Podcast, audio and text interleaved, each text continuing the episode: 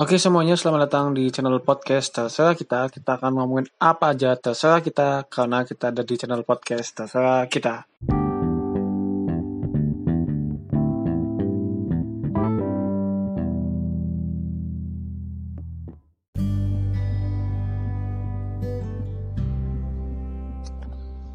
Selamat datang di channel podcast terserah kita. Kita akan ngomongin apa aja terserah kita dan hari ini kita akan ngomongin tentang peringatan Hari Pahlawan 10 November 2019. Tentunya teman-teman kemarin kan uh, sebelumnya saya sudah pernah membahas kan Hari Pahlawan itu memperingati ketika kejadian perlawanan rakyat Surabaya yang dipimpin oleh Bung Tomo di Surabaya ya terhadap uh, tentara Belanda yang menyusup di pasukan Inggris ya yang waktu itu Inggris telah memenangkan perang dari Jepang yang ingin mengambil tawanannya ke dari tawanan Jepang untuk dikembalikan. Nah, pada saat itu Belanda mencuri kesempatan untuk kembali menjajah Indonesia, tapi berkat Bung Tomo dan para pahlawan di Surabaya akhirnya uh, perlawanan itu atau Indonesia tidak jadi untuk kembali dijajah oleh Belanda pada pada pada singkat cerita oke? Okay. tapi hari ini saya akan uh, ngobrolin tentang mantan juga itu juga pahlawan oke? Okay, mantan juga pahlawan. Loh, kok bisa mantan kok pahlawan emang siapa dia? Kok bisa kita anggap pahlawan? Atau kenapa dia bisa dianggap pahlawan? Oke. Tapi di sini saya mau uh, tekanin dulu ya. Pahlawan yang saya maksud tadi bukan pahlawan seperti Bung Tomo, Bung Karno, Suha, uh, Suka, Suha, Soekarno, Soeharto dan uh, dan yang lainnya. Tapi di sini lebih ke pahlawan untuk pengembangan atau uh, kedewasaan hidup seseorang atau orang-orang yang pernah merasa jatuh cinta. Jadi gini teman-teman, uh, ya namanya pahlawan dulu ya. Pahlawan itu adalah kan orang yang pernah berjasa, ya pernah berjasa atas kemerdekaan kita Indonesia ataupun yang pernah memberikan sebuah uh, dedikasi tinggi lah untuk negara kita. Nah kalau misalkan kalau level kelima ya, level 5 dari tahapan level kepemimpinan Maxwell itu di pinnacle dia. Jadi dia telah memberikan yang sesuatu yang berharga yang akhirnya dia bisa dihargai. Nah, mantap banget ya. Nah, di sinilah pahlawan-pahlawan itu dihargai karena dia telah memberikan sesuatu yang berharga untuk Indonesia. Begitu juga orang tua kita, berikut, uh, begitu juga saudara-saudara kita yang pernah berjasa dalam hidup kita. Mereka juga pahlawan untuk hidup kita sendiri. Walaupun ada pahlawan tanpa tanda jasa itu adalah seorang guru, uh, adalah seorang guru. Kenapa? Karena kan di situ tidak ada pemberian uh, tanda dari negara kepada seorang guru. Padahal guru juga adalah seorang pahlawan kan. Apalagi di dunia pendidikan tentunya tanpa adanya guru ya nggak ada sosok seperti diri kita yang sekarang mendengarkan podcast ini yang saya yakin mayoritas pasti mereka pernah menempuh di dunia pendidikan ya. Bukan hanya yang formal tapi non formal juga kan. Kan ada juga pendidikan non formal ya kan.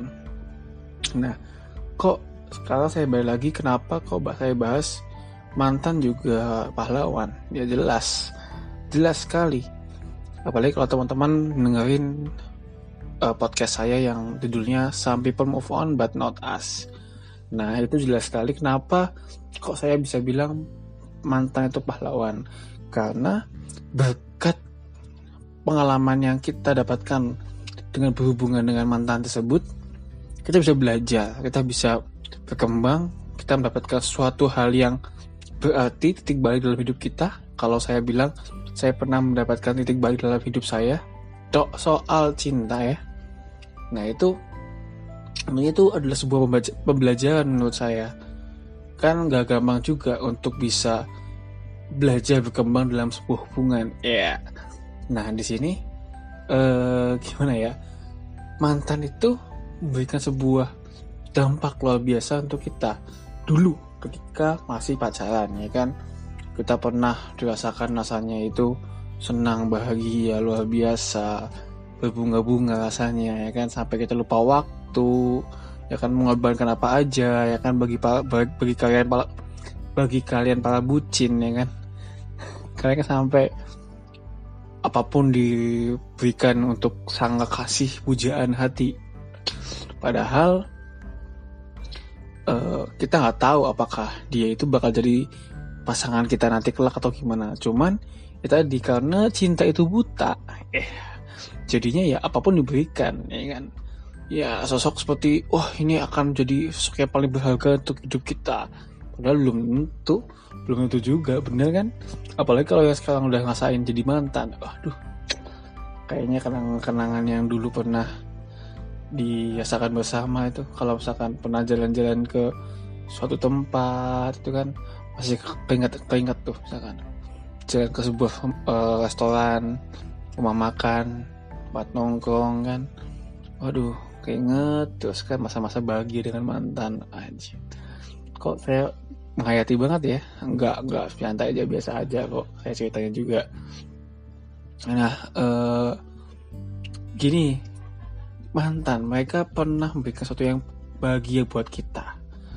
Tapi kenapa ketika kita ya telah berpisah memutuskan berpisah dengan mereka kita sampai merasa acuh dengan mereka. Padahal bisa jadi mereka telah memberikan dampak positif buat kita. Ya kan? Apalagi kalau kalian merasa pernah diberikan sesuatu yang spesial. Misalkan ada nih uh, sosok atau seorang yang lagi ngejalan skripsi kan, butuh temen dia ngejalan skripsi ditemenin sama pacarnya ya kan? Biar dimotivasi ya kan? Tapi terus setelah skripsi selesai tinggal pergi wah aduh. Aduh ya Allah ya Allah. Perjuangan untuk nemenin pacarnya itu sampai sampai dia relain begadang nemenin dia skripsi ya Allah. Itu perjuangan banget tuh. Tapi ketika udah lulus ditinggal. Aduh. Gimana ya? Aduh nah tapi kan kita kembali ya kan? Tiap mantan ya kan punya kisahnya masing-masing ya kan? Kita jangan sampai membuat bahwa mantan itu jadi sebuah hal yang buruk bukan. Pengalamannya boleh buruk pengalamannya boleh kita ketawain ya.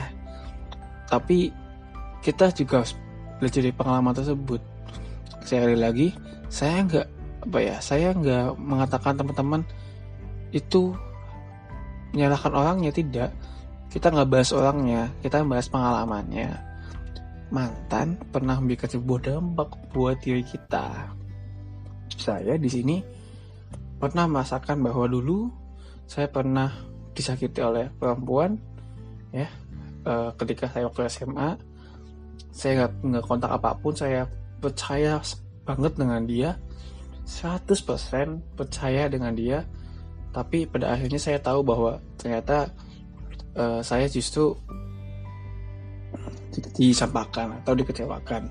Ya saya belajar, oh ternyata komunikasi intens dengan seorang perempuan juga perlu. Ya kan karena tadi saya cuek banget sama perempuannya udah dia mau ngapain mau ngapain kita salah ya kan? Percaya deh sama perempuan. Tapi ternyata kita juga perlu namanya feedback saling perhatian agar tadi kita nggak lepas komunikasi. Kita tahu oh uh, kita bisa ngontrol nih si pacar kita kayak gimana pasangan kita kayak gimana. Pun ketika saya uh, pacaran dengan ada tingkat saya saya juga belajar tuh manajemen emosi kayak gimana. Dia yang tadinya yang well kayak gimana. Nah itu saya belajar banget tuh ya kan? Dia yang waktu itu gak bisa namanya berada di tempat A B C D ya kan gak ada nggak bisa beradaptasi di tempat A B C D sedangkan saya berada di lingkungan itu. Saya belajar buat bagaimana bisa uh, memberikan pola pikir yang positif buat dia biar dia bisa kebur di lingkungan saya.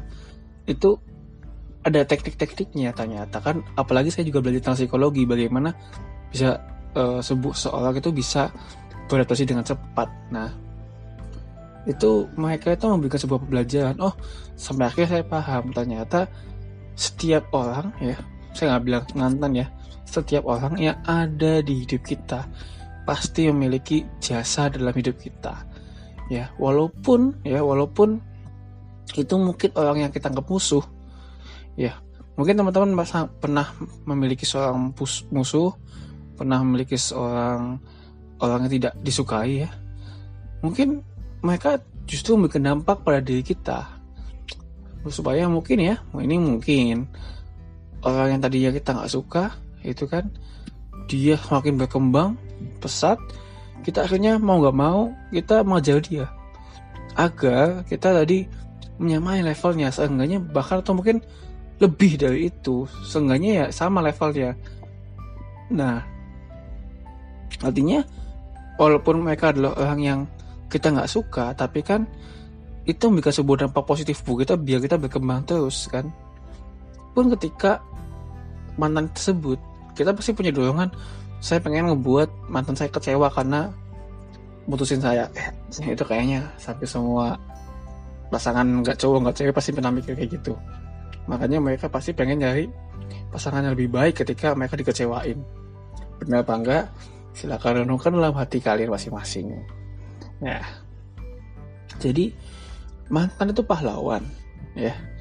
Jangan pusuhi mereka karena mereka pernah memberikan dampak positif buat kalian. Dan ketika kalian telah berdamai dengan memori-memori buruk yang kalian dapatkan dengan mantan kalian itu akan menjadi sebuah dampak positif atau positif impact dalam hidup kalian berikutnya kalian menjadikan sebuah negatif impact menjadi positif impact. Berdamailah dengan berdamai, berdamailah dengan masalah kalian. Berdamailah dengan masa lalu kalian. Berdamailah dengan prasangka-prasangka kalian. Maka kalian bisa mendapatkan positif impact itu. Itu sih dari saya ya. Saya nggak maksud menggurui. Karena menurut saya setiap mantan adalah seorang pahlawan karena telah memberikan sebuah dampak yang bisa mendewasakan saya apakah teman-teman merasakan seperti itu?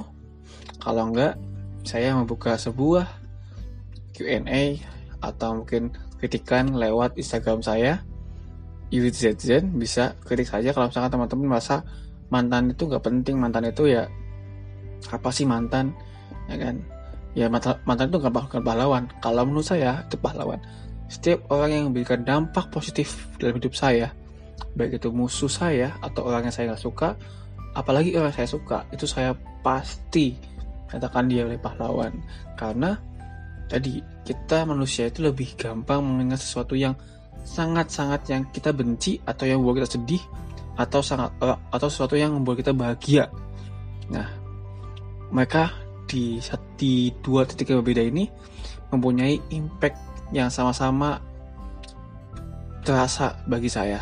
Nah, pada itu saya menyatakan bahwa dua-duanya adalah pahlawan dari hidup saya agar saya berkembang lebih baik. Mungkin teman-teman bisa setuju, bisa tidak, dan silakan teman-teman renungkan apabila pernyataan saya itu benar.